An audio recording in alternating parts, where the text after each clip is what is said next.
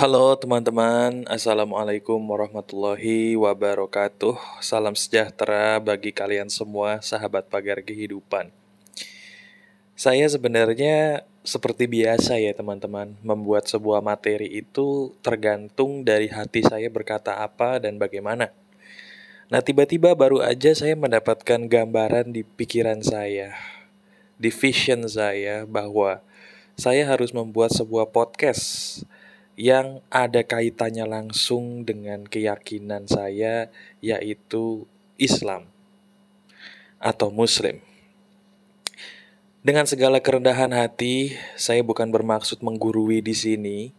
Anggap saja saya sebagai seorang sahabat yang memiliki sedikit ilmu yang gak ada apa-apanya dibandingkan kamu mungkin. Kamu lebih pinter, lebih berilmu, amin. Jadi izinkan saya sebagai sahabat kamu yang ingin berbagi, membagikan ilmu yang sangat penting sebenarnya untuk dibagikan, terutama kepada kamu orang-orang yang mau tahu apa itu Islam dan bagi kamu mungkin yang berkeyakinan Islam tapi banyak pertanyaan dalam diri kamu, ya. Izinkan saya membagikan sebuah ilmu penting. Jadi saya akan menjawab beberapa pertanyaan penting yang muncul di hati saya mengenai Islam dan beserta jawaban yang seizin Tuhan insya Allah tepat sasaran. Begini, pertanyaan pertama yang sering ditanyakan orang, kenapa dalam Islam itu kita disuruh sholat bahasa Arab? Apakah Tuhannya orang Islam itu tidak mengerti bahasa selain Arab? Kenapa kita tidak boleh sholat pakai bahasa Indonesia? Atau mungkin bahasa Inggris kalau kamu orang di luar Indonesia? Bahasa Cina kalau kamu mungkin orang Cina. Kenapa harus semua orang Islam sholatnya pakai bahasa Arab? Itu jawabannya kenapa mas? Jawabannya gini. Pertama kita harus tahu bahwa setiap bahasa itu tidak bisa diterjemahkan 100% sama. Saya ulangi, setiap bahasa apa pun tidak bisa diterjemahkan 100% sama persis dengan bahasa aslinya. Coba deh sekarang kamu tahu nggak bahasa lain selain Indonesia? Mungkin kamu tahu bahasa Inggris, atau mungkin kamu tahu bahasa Mandarin, bahasa Prancis, bahasa Jerman, atau malah mungkin kamu tahu bahasa Arab. Bener kan? Sebenarnya bahasa apa pun kalau diterjemahkan itu maknanya artinya tidak sesempurna dengan bahasa aslinya. Kalau kita tahu bahasa, pasti kamu setuju dengan saya. Iya mas, benar. Bahasa itu kalau diterjemahkan bisa, tapi artinya itu tidak sesempurna bahasa aslinya. Nah itulah, itulah kenapa dalam sholat di agama Islam, kita wajib menggunakan bahasa Arab bukan karena Tuhan itu tidak ngerti bahasa lain selain Arab, bukan. Tapi karena bahasa yang dicontohkan Nabi Muhammad Sallallahu Alaihi Wasallam adalah bahasa Arab, kita ngikutin beliau supaya makna dari doa-doa dalam sholat tidak bergeser, tidak berkurang kesempurnaannya. Paham di sini? Paham, alhamdulillah. Nah, cuman begini. Pertanyaan kedua, tapi mas, saya tuh punya masalah dalam sholat saya mas. Kenapa sholat itu tidak bisa atau susah sekali untuk menjadi kusyuk mas? Atau mungkin kalau kamu non muslim punya pertanyaan dalam hati, gimana sih mas? Saya tuh kecewa ngelihat saudara-saudara saya, tetangga saya, teman saya ngaku sholat orang Islam. Tapi kelakuannya kok jauh lebih buruk daripada orang yang tidak sholat. Katanya sholat itu bisa mencegah perbuatan keji dan mungkar. Betul. Tapi mana buktinya mas?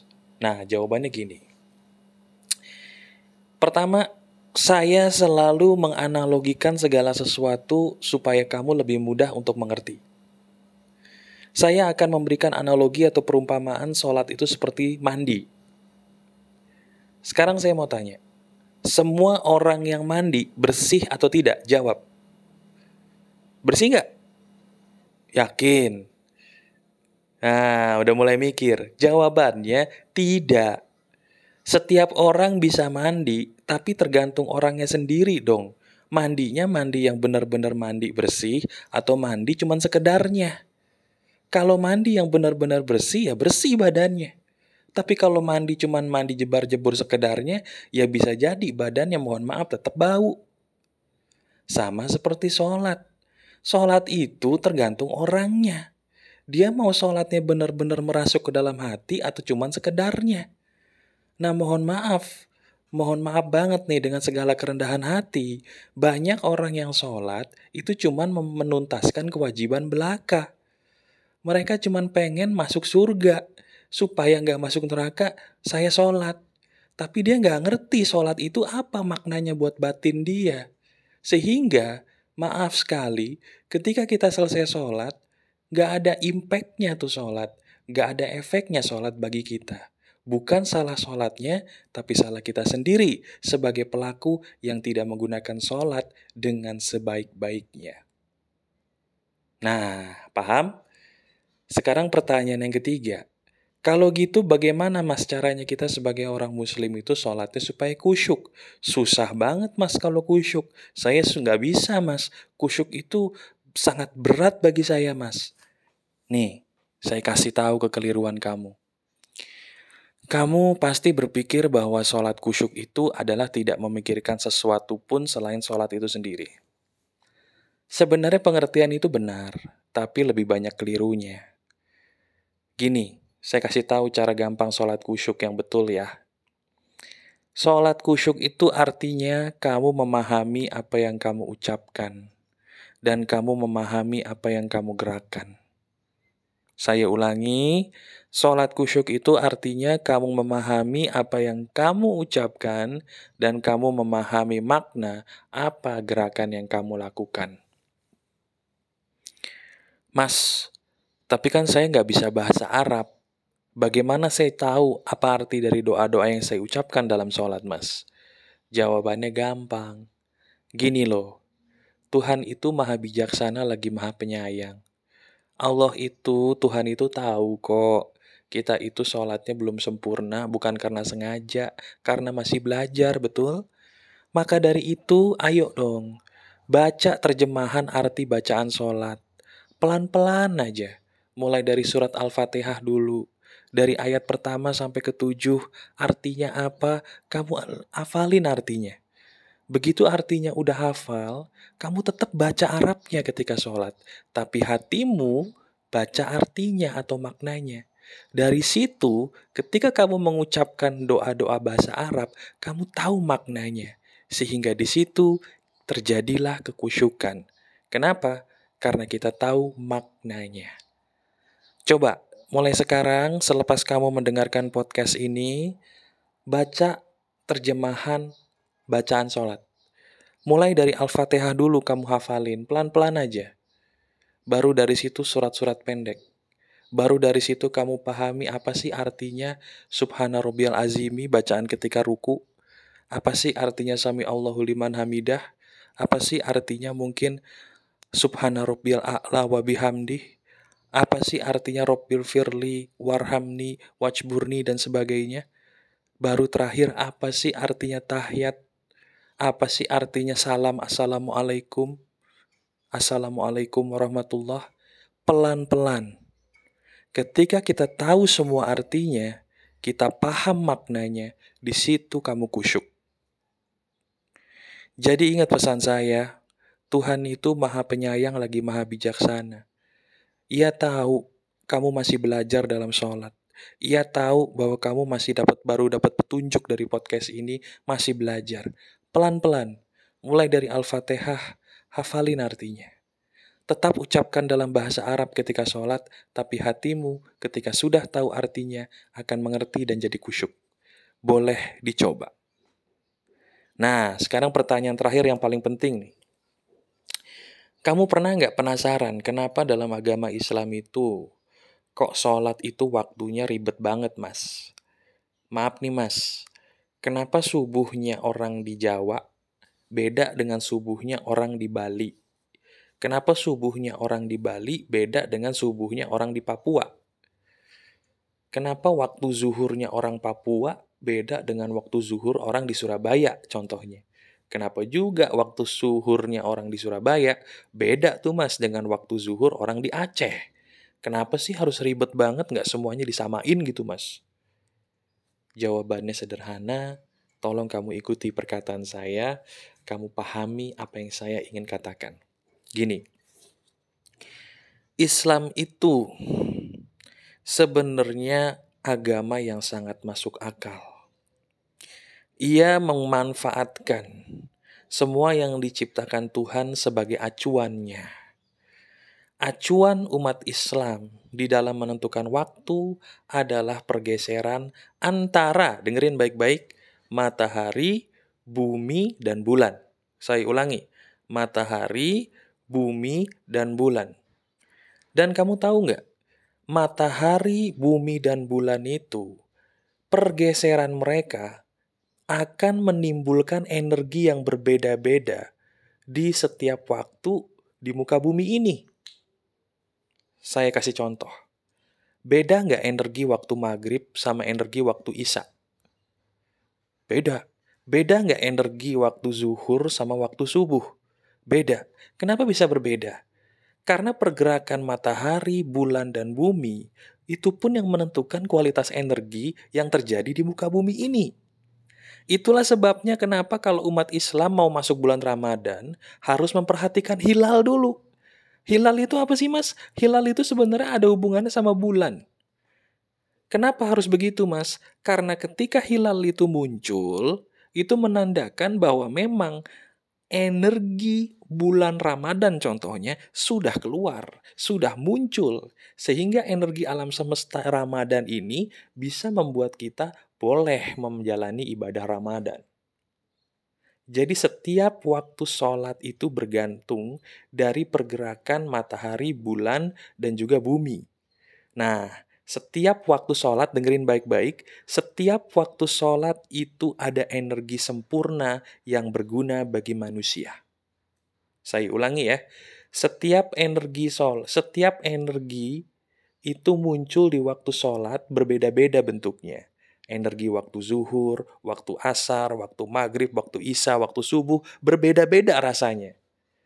Kenapa setiap daerah itu beda-beda waktunya? Karena energi waktu zuhur di Aceh, waktu zuhur di Bali itu berbeda. Perbedaan energi itu ditentukan dari jarak matahari, bulan, dan bumi. Ketika matahari, bulan, dan bumi membentuk sudut tertentu, sehingga terjadinya ceritanya waktu zuhur contohnya, nah di situlah di wilayah itu boleh melakukan ibadah zuhur. Bahasa gampangnya gini deh, supaya kamu nggak bingung. Di tiap daerah, energi zuhur itu berbeda-beda. Energi waktu zuhur itu muncul bukan dilihat dari jam berapanya, tapi dilihat dari sudut antara matahari, bumi, dan bulan itu membentuk sudut yang pas untuk membentuk waktu zuhur atau tidak di daerah itu. Kalau sudah membentuk sudut yang pas untuk waktu zuhur di daerah itu, masuk waktu zuhur, di situ muncul energi zuhur. Nah itulah sebabnya, dengerin baik-baik, kenapa kita sebagai orang Islam tidak boleh yang namanya menunda-nunda sholat. Kenapa? Karena ketika waktu masuk zuhur atau asar atau maghrib isya atau subuh contohnya, di waktu itu semakin kita mendahulukan sholat tepat waktu, kita yang beruntung. Kenapa mas? Karena energinya kita serap ketika energi itu masih wangi-wanginya. Masih segar-segarnya. Makanya orang yang sholatnya tepat waktu, itu kualitas dirinya sendiri beda dengan orang yang sholatnya di akhir waktu terus. Apalagi dengan yang gak sholat, beda. Bahkan saya punya sebuah terapi. Sholat kusyuklah di awal waktu kalau kamu ingin terbebas dari penyakit jiwa. Penyakit jiwa itu kan gak harus hilang akal, teman-teman. Penyakit jiwa itu bisa kita merasa sedih sendiri, depresi, mungkin, atau mungkin gejala-gejala bipolar. Itu obatnya cuma satu, sholatnya dibenerin. Pahami dulu makna sholat, pahami dulu arti bacaan sholat, sholatnya jangan buru-buru, ya Ketika waktu masuk sholat, jangan ditunda, langsung sholat. Tapi sholatnya dinikmatin. Saya sudah membuktikan sendiri bagi diri saya, teman-teman. Saya dulu ini punya penyakit jiwa. Sama kayak kamu, anxiety. Apalagi tuh, nangis tanpa sebab, gelisah. Begitu saya memperbaiki sholat, sembuh. Sembuh benar. Tapi pertanyaannya jarang, jarang sebuah tahblik atau ajaran perkumpulan agama Islam jarang yang membahas sholat mereka menganggap sholat itu ya cuman ya udah yang penting kamu lakukan titik padahal tidak sholat itu harus justru yang paling diperhatikan. Nah sekarang kamu jelas. Udah jelas ya? Jadi pertanyaan-pertanyaan ini yang sebenarnya akan merubah hidup kamu. Karena pertanyaan ini juga yang merubah hidup saya menjadi lebih baik sebagai seorang muslim. Yuk tebarkan kebaikan karena Allah mencintai orang-orang yang berbuat baik. Beribadalah dengan benar, perbaiki ibadah kita bukan ibadah orang lain, perbaiki diri kita bukan diri orang lain, perbaiki akhlak kita bukan menghakimi akhlak orang lain, maka semua akan jauh lebih indah hidup kita. Wassalamualaikum warahmatullahi wabarakatuh. Masih ada saya Aryan Surya, sahabat baik kamu dari Pagar Kehidupan. Tetap keep the spirit, keep sharing, and keep loving. Bye bye.